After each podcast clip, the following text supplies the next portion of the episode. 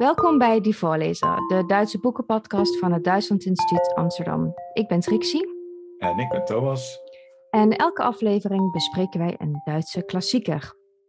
Ja, en wat is dat deze keer, Trixie? Wat heb je meegenomen? Ja, het, het is weer een man, maar wel een man die over een vrouw schrijft. Het is uh, Theodor Fontane met zijn meesterwerk Effie Briest. Aha, Theodor. Nog een Theodor. We hadden een tijdje terug natuurlijk Theodor Storm. Daar heb ik je van alles over verteld. Ja. En nu hebben we een andere Theodor. Wat, uh... Een andere Theodor uit de 19e eeuw ook nog. Dus uh, we zitten inderdaad even in de 19e eeuw. En um, ja, Effie Briest is een beetje aan het eind van die eeuw geschreven. En ook aan het eind van um, Fontanes leven. Um, heb jij het gelezen? Ooit of ik, behandeld? Of... Ja, volgens mij heb ik het wel eens gelezen of stukken eruit gelezen. Ik kan me er niet meer zo heel veel van herinneren, want ik weet niet of er echt veel in gebeurt. Het is volgens mij niet echt een verhaal waar heel veel dingen op elkaar zich snel opvolgen. Of, of ik ver, verwar me nu met een ander boek van Theodor Fontane. Dat kan nou, ook. Ja, misschien uh, Stechlin en, of ja, Jenny Truibel. Ja, dat zijn um, andere bekende werken van hem die misschien ook wel nog iets, iets, iets uh, taaier zijn. In uh, Effie Briest gebeurt relatief veel. En ik okay. zeg relatief, want het is alsnog best een, een, dik boek. Ik heb hier de reclamversie, het kleine gele boekje, maar alsnog een boek van meer dan 300 bladzijden. En um, nou ja, laat ik het zo zeggen, voor Fontanes begrippen is het toch redelijk um, vol met verhaal. Uh, het is uh, een, een, een, klassiek verhaal eigenlijk over een driehoeksverhouding. En dat maakt het ook wel spannend. En natuurlijk zijn wij als lezers in de 21ste eeuw, ja, god, nou niet meer zo heel snel onder de indruk van een driehoeksverhouding die over 250 pagina's wordt uh, verteld. Maar destijds was het wel meteen een, um, ja, kwam goed binnen, zeg maar. Uh, het werd ook meteen herdrukt en dergelijke, heb ik ergens gelezen. En ook in de 20e eeuw was het nog een groot succes. En het schijnt dat dat ook wel voor een groot gedeelte aan Thomas Mann, onze Thomas Mann, uh, mm. te danken is. Die uh, ook wel eens heeft gezegd van nou, als ik, oh, het staat hier achterop mijn, mijn boekje. Ik zal het even citeren. Dit is dus Thomas Mann over Effie Briest. Eine Romanbibliothek der, der rigorosesten Auswahl und beschränkte man sie auf ein Dutzend Bände, auf zehn, auf sechs. Sie durfte Effie Briest niet vermissen lassen. He, dus als jij een boekenplankje hebt waar maar zes boeken op passen, volgens Thomas Mann moet Effie Briest daar dan op. Oh, dus dat is nogal wat, ja. Ja, als Thomas Mann dat zegt, nou, dan, uh, dan moet het heel wat zijn. Dan, uh, ja. neem, me, neem me mee in het verhaal, want uh, ja, ik ben er wel echt benieuwd. Ja, ja, nou misschien nog even, heel even iets over Thomas Mann. Ergens aan het eind van het boek komt ook een meneer Boedenbroek ten tonele. Met een ontzettend kleine bijrol, namelijk degene die gaat over het duel tussen de twee mannen. Uh, wat dan uh, gevoerd moet gaan worden. Of die daarbij betrokken is in ieder geval. En dat is meneer Boedenbroek. En uh, het schijnt, maar niemand weet het zeker, dat Thomas Mann daar zijn naam voor zijn beroemde eerste roman vandaan heeft gehaald. Um, ja, waar, waar gaat het over? Nou, ik zei het al, een, een duel wordt uh, uiteindelijk uh, gevoerd en dat gaat allemaal om onze Effie, titelpersoon van, dit, uh, van deze realistische familieroman, zou ik willen zeggen. Effie Briest heet ze, ze komt uit een goede familie. Misschien niet van ouders die altijd even begripvol zijn, maar wel, zoals dat gaat, dan het beste met het kind voor hebben. En zij wordt op uh, eh, 17-jarige leeftijd uh, soort van uitgehuwelijkt um, uh, aan de heer van Instetten, die op dat moment twee keer, of twee keer zo oud is als Effie. 38 is die geloof ik op dat moment. het gaat al heel goed met zijn carrière. Um, zijn ambtelijke carrière, politieke carrière. En uh, het schijnt ook dat de moeder van Effie Briest ook al eens uh, geïnteresseerd is geweest in deze man. Zij heeft hem uh, niet kunnen of willen krijgen. En nu mag de dochter ehm, ermee verder. Het is een roman, zoals ik al zei, eind van die 19e eeuw geschreven. Past heel erg in de traditie van schrijven over families, schrijven over maatschappij. Het hoort bij het realisme. Maar tegelijkertijd toch ook al echt een uniek verhaal, omdat je als lezer toch ook al heel veel sympathie krijgt met Effie. En dat is ook wel echt de, verdienste van, uh, van de schrijver Fontane, die middels een verteller, een alwetende verteller, uh, ja, vol sympathie, soms ook wel met afstand, soms ook wel met een glimlach, soms wat paternalistisch, uh, over Effie vertelt. Hij dan zegt hij, ach Effie, arme Effie en dergelijke. Dus je wordt wel meegenomen in die sympathie voor dat kind op dat moment nog, de jonge vrouw die het wordt. En, um, ja, en, daarom ga je als lezer ook heel erg voelen van ja, uh, uh, dat, dat is niet niks dat zij op zo'n jonge leeftijd zo in die maatschappij gedrukt wordt, als het ware. Ja, dus, dus dat is ongeveer het, het, het, de, het probleem het waar de roman ja. mee begint. Ja, ja, ja oké. Okay. Um, dus die heb, je hebt die alwetende verteller die eigenlijk een beetje sympathie opwekt voor Effie. Ja. Maar wat, wat vertelt hij dan allemaal over? Wat, wat maakt zij mee? Wat gebeurt er? Ja, dat, um, wat, wat we leren over haar is dat zij juist een heel frivol kind is. Ze zit graag op de schommel. Uh, ze is een uh, dochter van de lucht, dochter der Luft, wordt gezegd. Ze, ze houdt van uh, de zee, ze houdt van dieren, ze kan heel goed de meeuwen nadoen. Ze heeft een hele goede band met haar hond Rollo. ze is echt een beetje zo'n natuurmens, zou je kunnen zeggen. spontaan is ze ook ontzettend. En die van Instetten, waar ze mee, nou ja, toch wel wordt opgescheept, die um, is juist wat serieus, heeft wat weinig humor, is, um, nou ja, is niet zo um, oplettend. Hij zit een beetje in zijn eigen wereld, is niet erg alert om haar welzijn. Dus je kan je voorstellen dat dat niet een heel gelukkig huwelijk wordt. Maar Effie, die komt ook uit een goed uh, gezin, uh, van hoge stand weet dat ze eigenlijk, of denkt in ieder geval, denken wij als moderne lezers, denkt dat ze toch ook al heel dankbaar moet zijn. Dus dat is haar innerlijke strijd en daar zijn we getuigen van als lezer. Van eigenlijk verveelt ze zich te pletter. Ze moet ook ergens naar zo'n klein stadje aan de oostkust. Nou, dat strand, daar houdt ze dan wel van. Het uh, plaatsje um, heet het in de roman, schijnt uh, gemodelleerd te zijn naar uh, Swinemunde. Dat is inmiddels net Pools grondgebied um, heet nu Swinowice, als ik het goed uitspreek. Um, en dat, dat plaatje, daar valt gewoon niet zo heel veel te beleven. En ze verveelt zich nogal. En als lezer krijg je daar heel veel sympathie voor. Want hè, um, ja, het is gewoon niet de plek waar je een 17-jarig meisje zomaar zou, zou willen neerzetten. Ja. Maar tegelijkertijd, ja, dan vraagt dus haar goede vriendin Herta van ben je nou gelukkig? meteen al na de verloving is dat. Ben je nou gelukkig? En dan zegt Effie ook zoiets van, eh, ja, um, ik ben gelukkig. Want ik denk dat iedereen gelukkig is die net verloofd is geraakt. Weet je? Ze probeert het heel erg te rationaliseren en zichzelf, nou ja, ze vindt wel dat ze het moet accepteren, zo ongeveer. Ja. ja. Ze, ze, geeft eigenlijk zeg maar het gewenste antwoord, wat maatschappelijk Absoluut. gewenst is. Ja. is het, als ik het zo hoor, dat zijn best wel twee contrasterende persoonlijkheden. Je hebt dan ja. die, de, wat, de wat oudere ja, oud, wat is oud, maar in verhouding tot Effie oudere uh, instetten. En dan heb je Effie die 17 is, maar ook nog best wel kinderlijk is. Klopt, ze zijn ook allebei respectievelijk jong en oud voor hun leeftijd. Ja. Hè? Dus het zit ze echt niet mee, niet alleen qua jaren, maar ook qua persoonlijkheden. En die van Instetten, die is, en daarmee is het weer zo'n typische roman uit deze tijd. Hij is niet alleen zichzelf, maar hij is ook al een personificatie van de tijd waarin we zitten uh, de locatie waar we zitten. We zitten in Oost-Pruisen. We zitten in de tijd van het Wilhelminisme hè, onder Wilhelm II en het strenge Pruisen. Uh, de tijd zeg maar van uh, ja, tot aan 1919, nee, tot 1918 ongeveer, waarin nou ja, zo ongeveer alles en iedereen werd gedrild. Hè? Dat, we kunnen misschien ook een keer Heinrich Mann der Untertaan uh, lezen, waarin uh, satire over deze, deze de tijdperk waar Effie nu slachtoffer van wordt.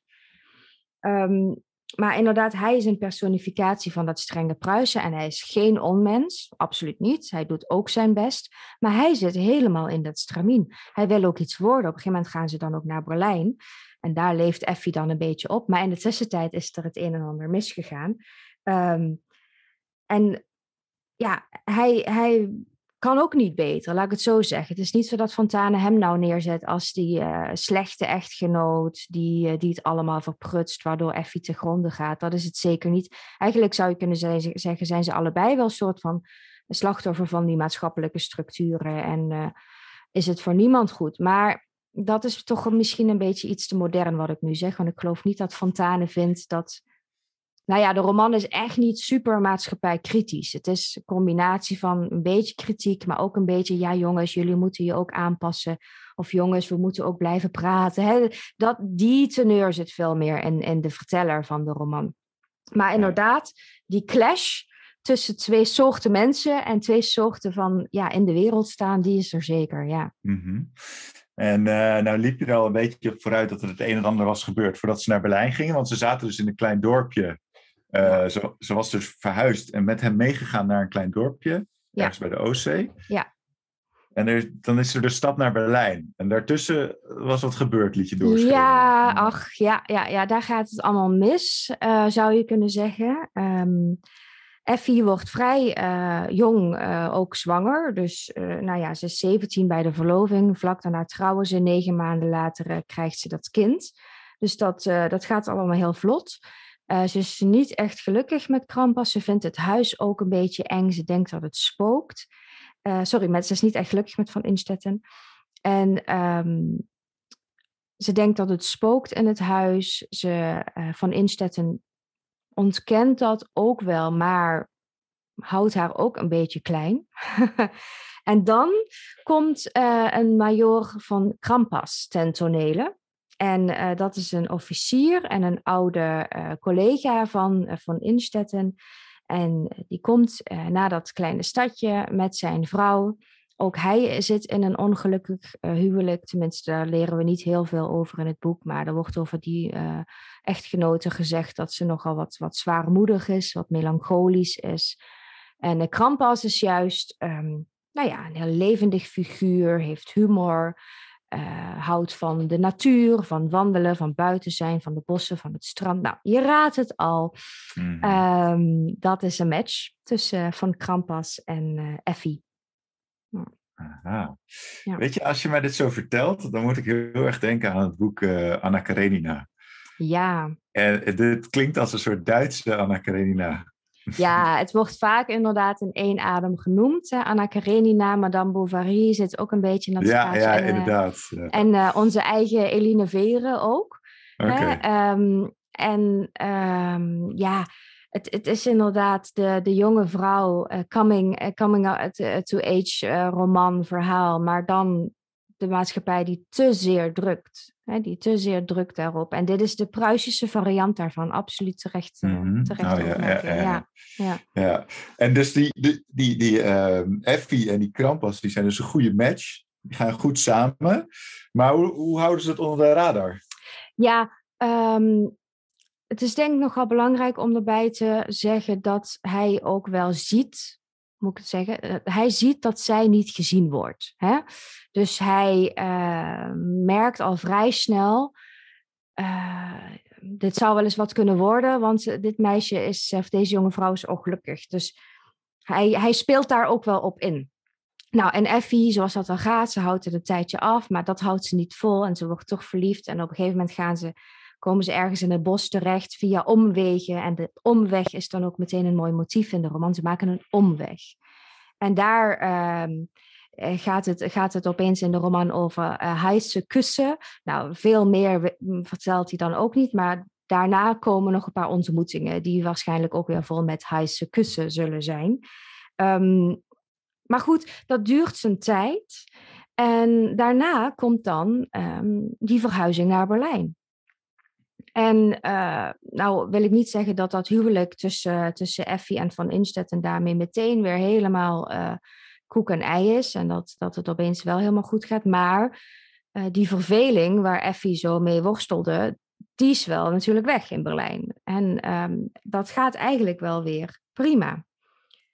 Um, en, en, dan, en dan gebeurt de grote tragedie.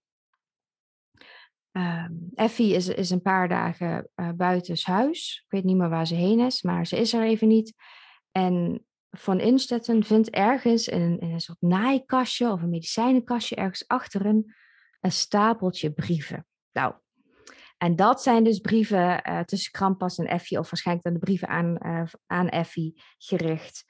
En um, daaruit blijkt dus dat ze een affaire hadden. Um, die affaire is inmiddels afgelopen.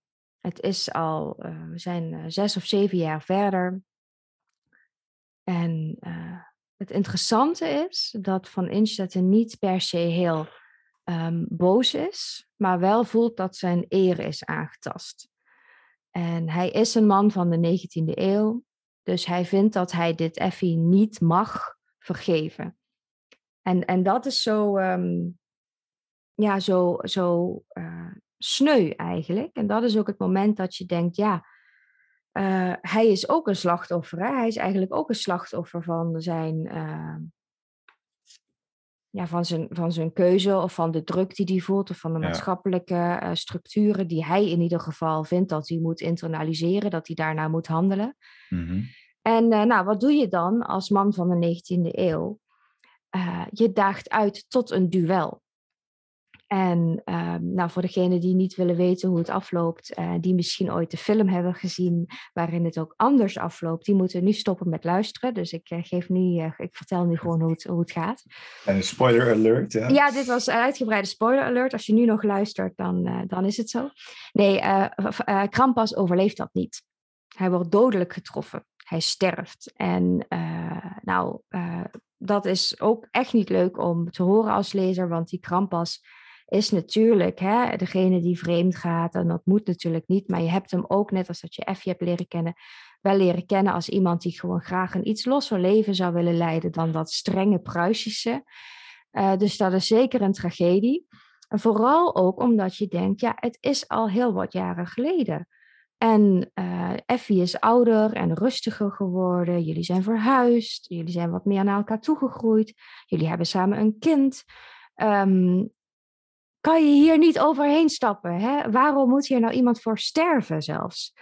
Dus uh, dat, is de tragiek van dit boek. Dat is waardoor het allemaal zo, um, ja, ook zo binnenkwam bij de mensen. Hè? En het was ook wel, denk ik, voor de lezer een klein beetje een eye-opener van, nou ja, hè, uh, natuurlijk, die eer uh, is aangetast en dat moet je zeker niet accepteren, maar dat uitdagen tot een duel, dat is toch wel iets dat dan hè, in de loop van die 20ste eeuw ook wel uh, wordt afgeschaft natuurlijk. Mm. Ja, ja ik, uh, dat duel dat herken ik wel. Maar ik meen dat het al eerder afgeschaft was, maar dat... Uh, dat zou... misschien, misschien niet in Oost-Pruisen. Dus nee, hier gaat het dan is... inderdaad in de roman over de erencodex die dat voorschrijft, inderdaad. Ja, ja. ja. ja. ja. ja. Is het nou ook zo dat je dus als lezer, je hebt, je, er wordt een beetje sympathie opgewekt voor Effie, maar geldt dat ook voor Krampas? Ja, ik denk uh, dat je zeker ook wel uh, een beetje sympathie hebt voor Krampas. Hoewel je ook wel merkt dus dat hij inspeelt op Effie's uh, ja, verveling. Of, maar ik, ik vond hem zeker niet een onprettig persoon. En eigenlijk is Van Instetten ook niet echt een onprettig persoon. Hij is wel een beetje... Nou ja, hij, je zou er niet mee getrouwd willen zijn, laat ik het zo zeggen. Het is een nee. beetje saai allemaal. Maar nou, hij werkt veel en hij is vaak ook weg voor zijn werk. Maar zo slecht is die niet. Dus uh, ja, en, en uh, dat, dat geldt dus wel voor meerdere personages. Ze zitten een beetje vast. En er zijn dan sommige van die beetje uh, bijrollen die dan een, echt een positieve draai geven aan het geheel. Er is bijvoorbeeld één mevrouw van Tripelli, heet ze volgens mij. Die helemaal zelfstandig is en die geniet van het leven en het wel heeft gemaakt. Als, en juist ook in die maatschappij wel haar, haar plek heeft geclaimd, zou je kunnen zeggen. En er is een ontiegelijk sympathieke apotheker, meneer Gieshupler, waar Effie ook echt uh, steun en troost aan ervaart. Iemand die altijd de menselijke kant ziet. Iemand die de kwetsbaarheid van de mens omarmt, waar je je kwetsbaar durft op te stellen, waar je je twijfels kunt uiten. Dus zo zijn er van die bijrollen van sympathieke figuren. Uh, die helpers zijn eigenlijk, uh, waardoor je ook merkt van hé, hey, die, de auteur, dus Fontane, had wel nou ja, kijk op uh, ja, wat voor andere uh, mensrollen, mensbeelden er ook mogelijk zijn. Een ander voorbeeld is het, het kindermeisje Roswitha. Die uh, ook op een gegeven moment uh, zegt tegen haar um, ja, medehulp van ja, wat, wat vreselijk dat, dat dit nou een duel moest worden. Want die brieven die gevonden zijn, die waren al helemaal vergeeld, zegt ze. Hè? Dus waar, waar hebben we het eigenlijk nog over? Hè, we zijn al lang verhuisd en dergelijke. Maar Van Instetten zegt nee, ik, ik kan haar niet vergeven. Ik mag haar niet vergeven. Dus dat duel komt er, Krampa sterft en Ja. dan blijft dat hem een beetje achtervolgen. En ehm, daar wil ik misschien een klein stukje van, eh, van voorlezen. Dat, dat, die, eh, dat duel, het gevolg daarvan, dat achtervolgt inzetten. Ja, dus hij heeft eh Krampas dodelijk getroffen. Ja, En hij heeft dus zijn wraak genomen zoals dat hoort. Hè? Zoals dat hoort. En hij heeft dat eigenlijk ook gedaan eh, omdat hij het eh, over die affaire verteld heeft aan iemand. En op het moment dat hij het verteld had, was het out there, kan je zeggen. Hè? En moest hij er dus ook iets mee. En dat, was, dat is het zogenaamde Gesellschaftsetwas. Zo wordt dat dan genoemd in de roman. Eh, ook al zou je als mens andere keuzes willen maken, of moeten maken misschien ook die maatschappij die verlangt iets van je. Dat is het Gesellschaftsetwas. Niemand weet precies wie dat ooit bedacht heeft, maar je moet er naar handelen. En dat is natuurlijk eh, het, het, het vrede van deze roman. Want dat hele Gesellschaftsetwas, dat is natuurlijk door mensen bedacht. En het zou natuurlijk ook gewoon aan mensen zijn om dat Gesellschaftsetwas, hè, die, die maatschappelijke druk, anders nou ja, te modelleren of te vormen of te bekritiseren of een beetje van binnenuit te hollen of wat dan ook. Maar ze blijven ehm, in die tijd in ieder geval toch echt nog een slachtoffer daarvan. Met z'n allen zou je kunnen zeggen. Mhm. Ja. Is, eh, doe eerst een citaat, anders dan eh, vraag ik wat anders. Ja, dit, dit vind ik leuk omdat dit een, eh, ja, echt iets van de persoonlijkheid van Instetten laat zien. Hij, hij twijfelt. Ehm, zehn jaren verlangen nog een duel. Hij vraagt zich, aan, is het niet, hij vraagt zich af, is het niet verjaard? Zehn Jahre verlangen noch ein Duell. Und da heißt es Ehre. Und nach elf Jahren, oder auch vielleicht schon bei zehn und ein halb, heißt es Unsinn. Die Grenze, die Grenze, wo ist sie? War sie da? War sie schon überschritten?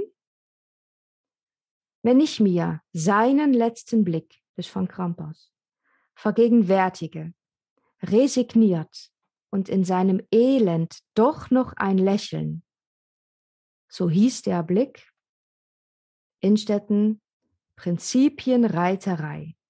Sie konnten es mir ersparen und sich selber auch. Dus Krampas heeft hem blijkbaar nog glimlachend aangekeken en gezegd: Jongen, of niet gezegd, maar dat, in, die uit, in die blik zat, de- zat, zat de uitspraak op: Jongen, waarom doe je dit nou? Wat doe je mij aan? En wat doe je dus ook jezelf aan? Je had anders kunnen kiezen. Ja, En dan zegt hij ook van ja, er hatte vielleicht recht. En dan gaat hij door met zijn overpeinzingen, maar het is nu eenmaal zo, bladibla. En nu hoort er dus de, stap B ook, dat ook Effie ehm, ja, hierdoor geruineerd zal worden en dus ik ook. Nou, dan is dus Mhm. de tragedie compleet. ja en hoe wordt Effie geruineerd? Hoe, hoe, eh, le- Ja. Lezen we daar nog iets over, hoe het verder met haar gaat? Ja, precies, want we zijn nu wel eh, richting het eind van de roman, maar nog niet helemaal. Eh, wat er verder gebeurt is ze gaan scheiden. Het kind wordt aan hem toegewezen. Zij wordt ziek. Ze wordt ook nog eens afgewezen door haar ouders. In eerste instantie. En haar moeder zegt, ach Effie, daar gaan ze weer allemaal met hun, ach Effie. Ach Effie, eigentlich hast du doch euer Leid eh, auf ons, ehm, ja weet ik niet, heraufgeschworen of zo. Hè? Dus haar moeder geeft haar echt de schuld. En dan zijn we nog getuigen van gesprekken tussen vader en moeder. En die moeder die is dus ook zo van de eer. En van ja, dat had ze ook niet moeten doen. En die vader die zegt dan, ach, ook weer ach, van het is ook een weites veld. Het is ook een weites veld. Eh, Louise heet ze volgens mij. Ja. En eh, dat is natuurlijk een bevlugeld woord hè, geworden. ja, dat zeggen we nog steeds wel eens als we dingen te ingewikkeld worden. Het is een weites veld. En hè, dus die vader, die kan je misschien wel een klein beetje identificeren met Fontane. Die ziet gewoon wel, het is niet Effie's schuld. Natuurlijk op papier wel, volgens de wet wel. Maar laten we wel wezen, hè, wij hebben daar misschien ook fouten gemaakt. Het was misschien ook onverstandig. En dan schrijft hij haar een telegram met de woorden Effie, kom. En dan mag ze dus nog bij haar ouders wonen. Gaat ze weer op de schommel zitten, zoals ze als kind vroeger deed. Ehm, maar uiteindelijk, ehm, nog spoiler alert, uiteindelijk, ja. uiteindelijk sterft ze. Ja, en combinatie of, van, ja, combinatie natuurlijk een, een, een, een, verzwakt gestel door, door al die ellende die ze heeft moeten verduren. Haar kind wordt ook nog een beetje tegen haar opgezet, reageert alleen maar als ze haar dan een keer mag zien, heel koel en afstandelijk. En uh, ze zit uh, dan aan het open raam, Effie, en haalt zich een, een, een longontsteking, uh, vertelt de verteller ons.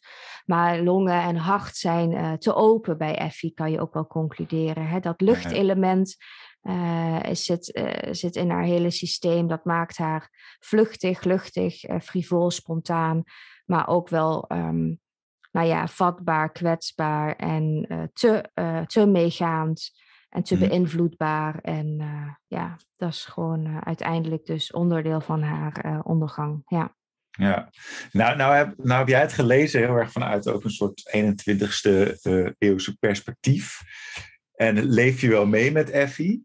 Was het in die tijd ook zo? Was het, of in die, ja, in die tijd, eind 19e eeuw, begin 20e eeuw, dat mensen zoiets hadden van, nou ja, die Effie, ja, eigenlijk is het wel, heb ik wel met haar te doen. Of was het meer zo van, nou, die van Instetten, die heeft gehandeld zoals het moet en het is oké zo? Ja, dat is een hele goede vraag. Dat, dat zou ik niet helemaal um, durven zeggen. Ik denk dat ook destijds de lezers misschien een beetje verdeeld waren. Dat het daarom misschien ook dat het boek ook zo'n succes was, dat het gesprekstof was. Um, ik weet wel dat Fontane niet de allermodernste van zijn tijd was.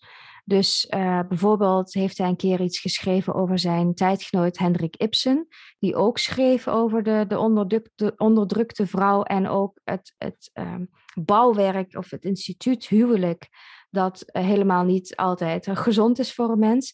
En daarop heeft Fontane wel eens gereageerd van, nou ja, het is hij noemt dat, um, es ist alles pakt und übereinkommen, heeft hij dan ergens in zo'n tekst geschreven. Dus hè, je moet ook als mens een beetje compromissen kunnen sluiten. Ook met het systeem waar je in leeft. En uh, het heeft geen zin als je zo fanatiek bent dat je dan um, in die zelfbevrijding, dat, ja, daar heb je uiteindelijk ook jezelf mee, zou Fontane dan zeggen, denk ik. Dus er hmm. zit ook wel een beetje zo'n oproep van, hè, een klein beetje een waarschuwing van, hè, probeer inderdaad uh, die middenweg te vinden, dat compromis, dat pact te sluiten met elkaar in dat huwelijk. Uh, en tot overeenstemming te komen. En die ouders van Effie, hè, die doen dat dus op een gegeven moment. Zodat hè, dat ze elkaar, met elkaar in gesprek gaan en dan de keuze maken om Effie toch binnen te halen en niet buiten te sluiten. En dat is eigenlijk een voorbeeld van hoe je in, in het huwelijk zou moeten functioneren, dat je dat samen moet doen. Dus dat is wel een beetje modern, maar niet heel modern, zou ik zeggen. Ja, ja oké. dus het, ja, het is natuurlijk ook. Ik weet niet hoe oud Theodor Fontane in die tijd was. Dus je zei volgens mij net dat hij kort daarna was overleden. Dus hij zal wel op latere leeftijd zijn geweest. Klopt, ja. ja hij was al een jaar of uh, tachtig, of nou, ja. eind, eind 70. Ja. ja, kijk aan. Ja. ja. Ja. nee, dus daar zit zeker er zit super veel sympathie voor Effie. Mm -hmm. anders kan je zoiets denk ik niet schrijven. En hij zegt ook dat hij, hij heeft ergens in een, ik weet niet, in een brief of een dagboek, weet ik niet meer, maar ik ben het ooit tegengekomen dat hij wel eens uh, heeft gezegd dat hij eigenlijk altijd wel verliefd wordt op zijn vrouwelijke hoofdpersonen. Dus daar zit absoluut uh, ja, toe, toenadering of uh, genegenheid. Maar ook wel een beetje op een paternalistische manier. Hè? Met wat ik net al zei, ach, Effie, arme Effie. Terwijl als, als moderne uh, lezer denk je van ja, waarom mag zij dat kind niet meer zien? Of waarom wordt dat kind tegen haar opgezet? Alsof zij als enige de slechterik is. En een verhaal heeft altijd twee kanten, zou je nu zeggen. Mm -hmm. Dus ja, ja, wat, nou, wat je me nu verteld hebt, vind ik, het, uh, vind ik het eigenlijk best wel een interessant boek. Want het past helemaal in die geest van de tijd. Uh, ook als je het dan vergelijkt inderdaad met andere Europese werken, zoals wat ik net al zei, Anna Karenina, je zei uh, Madame Bovary, Eline Vere. Dat zijn ja. allemaal een beetje die verhalen die ook wel gaan over de rol van de vrouw. En ook wel een bepaalde eer hebben, in zich hebben. Want ja, Anne Karenina heb je natuurlijk een soortgelijke uh, afloop. Er, daar is ook een, een, een, een buitenechtelijke affaire. Dat, Madame Bovary ook.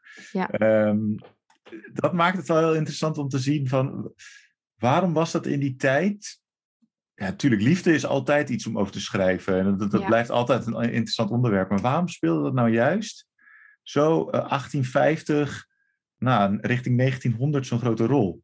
Want ik, een tijdje terug heb ik ook uh, Kreuzet-sonaten van, van uh, Tolstoy gelezen. Dat gaat ook, daar is ook een hele discussie gaande over de rol van het huwelijk. Ja. En, en de rol van de vrouw binnen dat huwelijk. Wat een, een vrouw daarover te zeggen heeft. En nou, dat, zijn van die, dat is eigenlijk best wel, ook met dit er dan bij, interessant om dan dat te lezen en nou, na te gaan. Oké, zo werd er dus in die tijd nagedacht over uh, de positie van de vrouw en de waarde van het huwelijk.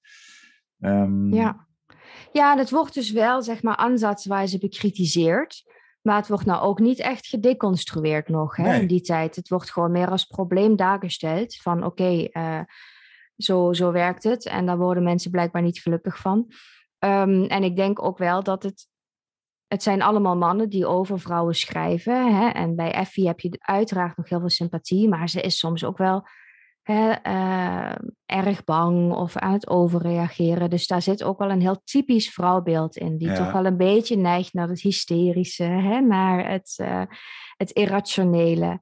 Uh, maar tegelijkertijd zijn die mannen natuurlijk ook irrationeel in hun, in hun eerwraak, zou je kunnen zeggen. Dus dat, dat wordt wel degelijk ook wel voor het voetlicht gebracht. Ja. ja. Ja, dat hysterische dat speelt aan het begin van de 20e eeuw toch nog een belangrijke rol bij, bij Freud, of niet? Ja, absoluut, absoluut. En dat, dat blijft uh, de vrouwen ook nog lang achtervolgen. Uh, je hebt natuurlijk een ontiegelijke in die literatuur, ontiegelijke... Um, een, een, Duitse filosoof, Sylvia Bovenschen, heeft het ooit de imaginierte weiblichkeit genoemd. Dus uh, vrouwen worden natuurlijk door mannen verzonnen. dus dat beeld van vrouwelijkheid is niet een realistisch vrouwelijke, vrouwelijke, vrouwelijke, vrouwelijkheid. Het is een geïmagineerde, een verzonnen beeld. En uh, je kunt je afvragen van wat zou, wat zou Effie Briest nou daadwerkelijk echt zelf zeggen. En interessant is ook dat uh, de echte Effie Briest, het schijnt dat Fontane iets van um, zijn roman uit de werkelijkheid heeft gehaald anders eindigde, ook moest scheiden, ook haar kind niet meer mocht zien, maar niet stierf, daar niet aan zugrunde ging, dramatisch bij haar ouders eh, voor het open raam of op de schommel, maar juist een leven opbouwde, een zelfstandig leven en heel oud is geworden. Hè? En dat is ook wel leuk aan die verfilming. Het uh, boek is meerdere malen verfilmd, ook een keer fantastisch door uh, Vastbinder, maar ook nog niet zo lang geleden, in 2009 is dat geweest. Um, door een vrouwelijke regisseuse. En daarin inderdaad overleeft Effie het en houdt ze haar kind. Dus er wordt dan toch een soort van uh, draai aangegeven, uh, waardoor je als, uh, ja, als kijker toch wel echt met een heel ander gevoel de zaal uitgaat. Uiteraard was er ook wel kritiek op die verfilming, ook om andere redenen, maar vooral ook om dat einde. Um, ik moet zeggen, um, dat ik, dat ik dat einde juist wel, uh, ja, wel, wel, grappig vond. Vooral ook met het idee uh, van ja, dan omzeilen we Fontanes uh, tikkeltje paternalistisch standpunt op, op Effie. En komen we misschien weer een heel klein beetje meer bij die, die persoon die in het echt heeft bestaan, waar Effie Briest ooit op gebaseerd is geweest. Dus ik vond dat juist wel een, een, een pluspunt van die film. Um, Mijn collega Marja heeft een stukje geschreven erover destijds, toen die film in première ging. Staat nog op onze site. Misschien kunnen we de link even toevoegen bij de, bij de mm -hmm. podcast. Um, ik vond het wel, um, ja, wel interessant hoe, uh, hoe de werkingsgeschichte van zo'n roman dan is. Juist ook in de verfilmingen. Ik bedoel, daarmee is die verfilming dan ook weer een stukje uh, zeitgeist uiteraard. Ja. Ja. Ja, ik, ja we, kunnen, we, gaan, we gaan zo naar het einde toe. Ja. Maar ik zit nu om het misschien even weer rond te maken. Want hè, jij begon al met Thomas Mann. En nu zit ik toch te denken, want in Thomas Mann, we hebben een tijdje terug de Boedenbrooks gelezen. Daar refereerde je ook al aan. Ja. Um, of gelezen, besproken. Um, daar, speelt, daar is ook een, een, een, een vrouwelijke, of in ieder geval een dochter uit die familie. Ik weet niet meer hoe, precies hoe ze Is dat Katja? Ik, Tony is het. Tony, Tony, ja, Tony. Ja, ja, ja. ja. is zij niet ook een beetje een vergelijkbaar figuur die alleen wel er beter van afkomt? Of ja, uiteindelijk... ja, absoluut. Dat is een leuke vergelijking die je maakt. Uh, de vergelijking is natuurlijk ook dat ze soort van worden uitgehuwelijkt, dat ze in een verstandshuwelijk terechtkomen omdat de ouders dat zo bedacht hebben. Dat ze daar eigenlijk niet passen, dat ze wel hun best doen om de boel bij elkaar te houden. Um, verschillen zijn er uiteraard ook, maar er zit zeker een, uh, een overeenkomst in die, uh, en ja, een beetje die, die frivole, uh, tikkeltje naïeve persoonlijkheid. ja, absoluut. Ik denk zeker wel dat, dat Thomas Mann af en toe aan Effie heeft gedacht bij het schrijven over Tony Buddenbrooks. En ja, het belangrijkste verschil is dat Tony toch ook wel um, nou ja, zelf bedrogen wordt op een gegeven moment. En uh, inderdaad, juist heel oud wordt. Hè? Dus de, de hele roman eigenlijk voorkomt. Ze heeft ongeveer het eerste en het laatste woord van het boek bij Thomas Mann. Ja. Oh ja, ja. ja. Ja, dan is, het, dan is het verhaal weer rond. Ja. Ja, met Thomas Mann dus, hè, uiteindelijk, toch? Uh, Altijd weer, ja. ja. Heel goed, oké. Okay. Ja, dankjewel Trixie. Ik vond het erg leuk. Yes, en uh, wat doen we de volgende keer? Ik denk dat we het de volgende keer ja, over Heine gaan hebben. Dan blijven we wel in de 19e eeuw gaan we even een paar uh, tientallen jaren terug. maar uh, daar wil ik je graag wat over vertellen. Nou, ik ben benieuwd. Ik uh, vond hem altijd uh, een beetje moeilijk om te lezen. Dus ik ben benieuwd of, of, jij dat, of jij me weer een positiever beeld van Heine kan geven. Nou, ik zal mijn best doen.